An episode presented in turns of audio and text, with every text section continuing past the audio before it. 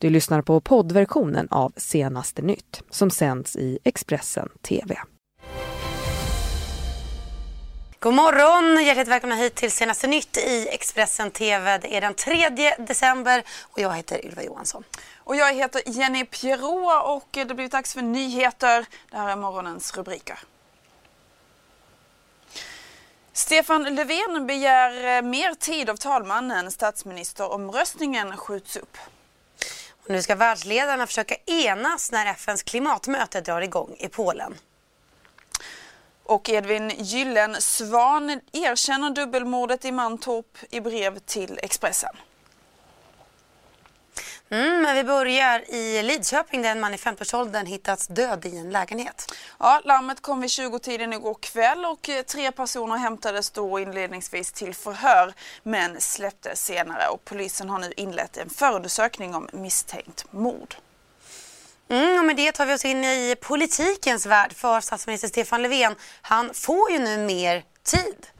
Exakt. Eh, Löfven skulle ju på morgonen idag ha presenterat sitt regeringsalternativ för talmannen. Men det skjuts nu alltså upp och talmannen kommer tidigast på onsdag att lägga fram förslag till statsminister. Ett besked som enligt experter kan tolkas som att Löfven kan ha hittat en väg framåt i regeringsbildningen. Du tror eh, uppenbarligen, Stefan Löfven, att han kan komma längre i samtalen med Centerpartiet och Liberalerna. Stefan Löfven får mer tid för att få ihop sitt förslag till regering. Tidigast på onsdag morgon kommer talmannen presentera Löfvens regeringsalternativ och därmed ge statsministern ett par dagar extra. Jag hoppas framförallt att det betyder att det är riktiga diskussioner och samtal på gång eh, och att det betyder någonting för Sverige i sådana fall. Den senaste tiden har Löfven pressats från flera håll. Samtidigt som Centerpartiet och Liberalerna har ställt krav för att kunna släppa igenom honom som statsminister. Jag har svårt att se att man skulle från Socialdemokraternas sida låta sig dikteras in i att ja men okej då gör vi exakt den politik som Centern eller Liberalerna vill. Så har Miljöpartiet gjort klart att de inte kommer rösta för en regering som de själva inte sitter i. Under helgen har Socialdemokraternas partistyrelse träffats i Bommersvik i Sörmland. Men vad samtalen mynnat ut i är inte känt. Det är klart att eh, det finns ett starkt stöd för, eh, för Stefan Löfven i det här läget. Och det är klart att vi noterar att nu både Liberalerna och Centerpartiet är beredda att stödja Stefan Löfven som statsminister. På söndagskvällen ville inte Löfvens pressekreterare kommentera ifall det förts några samtal mellan partierna under söndagen. Samtidigt meddelade Liberalernas kommunikationschef Gustav Georgsson att det inte förts några samtal utan att de lämnat sina krav och väntat på besked från Stefan Löfven. Och med det så går vi utrikes. Donald Trump meddelade nu på morgonen på Twitter att Kina gått med på att sänka och ta bort tullavgiften på amerikanska bilar.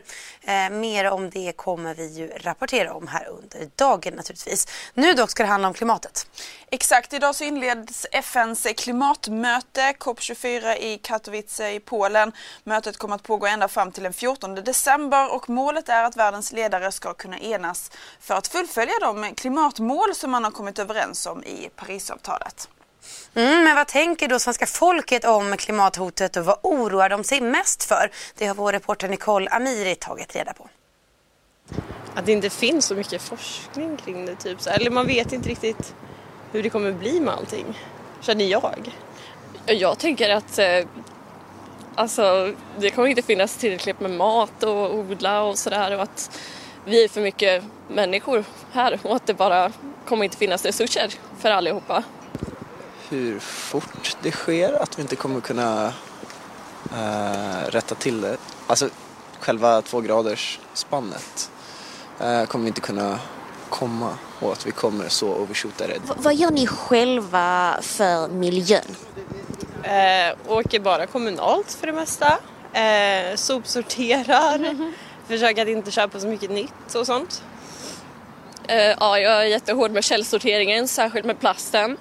Ehm, um, åker kommunalt, går om jag kan, uh, köper kläder på second hand och så.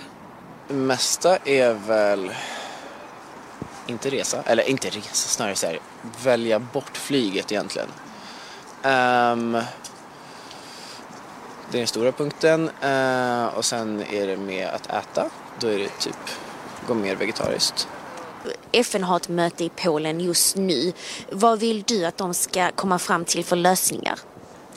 Eh, jag tror att det är dags för radikala eh, lösningar på hög politisk nivå. Så att eh, någon typ av ransoneringssystem på flyg, kött och kanske typ andra stora industriella utsläpp. Tänka mycket på köttindustrin och fokusera på att man kan odla istället för att alltså, få i sig protein på det sättet. Alltså att köttindustrin släpper ut så himla mycket. Mm, och med det så tar vi oss till Frankrike där president Emmanuel Macron igår kallade till krismöte efter helgens demonstrationer.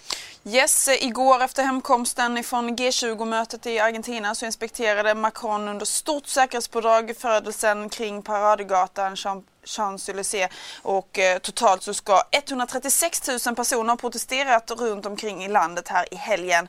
Bilar och byggnader sattes i brand, polisen fick stenar kastade mot sig och över 260 personer skadades i demonstrationerna och över 400 personer greps.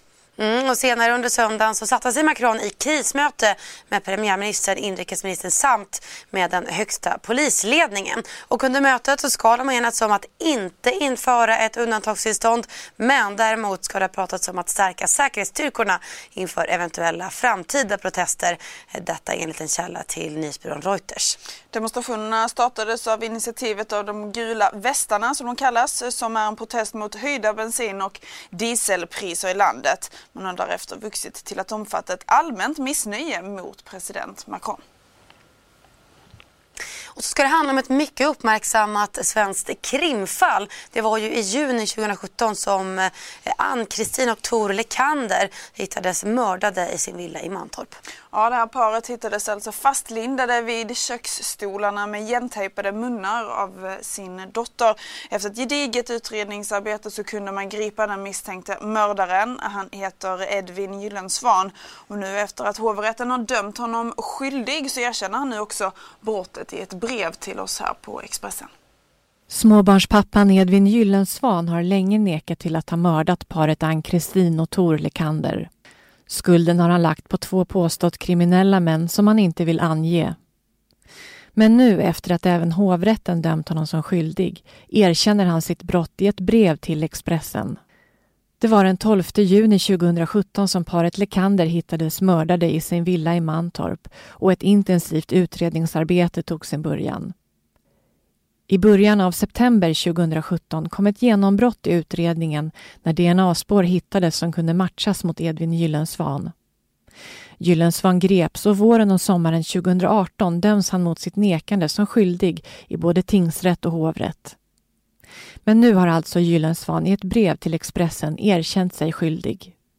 Jag begick ett brott, så långt vet jag. Men varför? Inte ens jag vet det. Vad driver någon till att mörda två människor? Sen hovrätten har jag mer eller mindre erkänt mig skyldig, så jag har insett vidden av mitt brott. Ja, med det så byter vi ämne raskt till sport. Ebba Andersson blev ju helgens svenska skiddrottning när hon knep hela tre pallplatser under minitouren i Lillehammer. Mm, och vi ska nu lyssna på hur det lät efter gårdagens jaktstart där hon knep andra platsen efter norskan Therese Johaug. Jätteglad att, eh, det, att jag lyckades eh, ja, men hålla undan till en eh, andra plats. Och till att börja med att du kämpade upp till en andra plats placering. Ja, det också. men sen på slutet var jag riktigt sliten så att eh, alltså då trodde jag faktiskt att ja, men både Charlotte och Ingvild skulle eh, ja, men hämta in mig. Så att, eh, att jag lyckades hålla undan, det är jag jätteglad över. Men du, när du gick ut, eh, när dagen startade, vad vågade du tro då? Eh, nej men jag hade som plan att gå ut offensivt och ja, men, verkligen se till att Ingvild skulle få kämpa för att ta ikapp de, de sekunder som hon eh, ja, startade efter. Eh, och, och sen så hade jag bara sikte framåt och eh, ja, fick lite extra krafter där när jag såg att eh, jag började närma mig Charlotte. Eh, och sen när jag väl eh, ja, men, eh, kom ikapp henne så var det bara att köra. Men ja, nej, alltså jag var riktigt sliten där på slutet så att, jag är jätteglad över att det räckte till en andra plats. Men du, kan du njuta lite nu? Alltså det är ju över den här touren och den har varit helt fantastisk för din del. ja, nej, alltså det här var mer än jag eh, ja, men, hade förväntat mig. Så att, eh, jag är verkligen jätteglad och ska verkligen se till att njuta, njuta av det här. Då börjar man göra en tidig summering av världscupen så här långt så är du Sveriges bästa åkare. Är det så? Det är du väl? Jag vet inte, jag har ingen koll på Det är klart det. sådär. Men, eh, nej men alltså jättekul att det har gått så bra i inledningen av säsongen och ja, som jag sa så är det mer än vad jag hade räknat med. Du, jag satt och räknade på en annan sak lite snabbt. Jag trillade in 166 000 kronor på ditt konto den här helgen i prispengar. Eh, ja, det är mycket pengar. Det hör inte till vanligheterna så att det är bara tack att ta emot. Men ja, eh, det här med pengar det är ju som ändå sekundärt liksom. Eh, Men jag kollar också snabbt, alltså i fjol var det tror jag strax under 70 000 på hela säsongen. Nu trillar det in mycket. Vad, eh, vad ska du göra med dem? jag vet inte. eh, spara till någonting kanske. Jag har ingen aning. Eh, men som jag sa så det är sekundärt eh, att eh, det har eh, jag lyckats komma in så mycket pengar. Mm. Du är ingen lyxshoppare i vardagen. Eh, jo men jag, jag kan nog unna mig ett och annat. eh, Till exempel? eh, ja, kläder tycker jag är kul men eh, eh, ja, nej jag, eh, jag tycker eh, just det här med shopping det är, det är ganska kul men eh, det är inte det vi ska prata om här idag.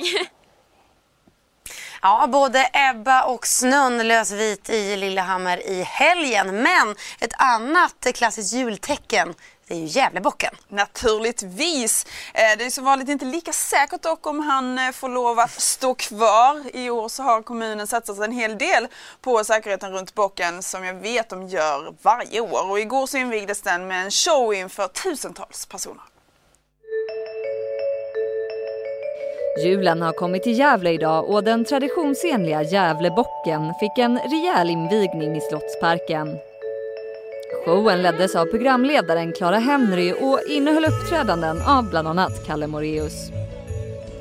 Bocken står för julstämning i staden för 52 året i rad. Men den blir inte alltid så långvarig.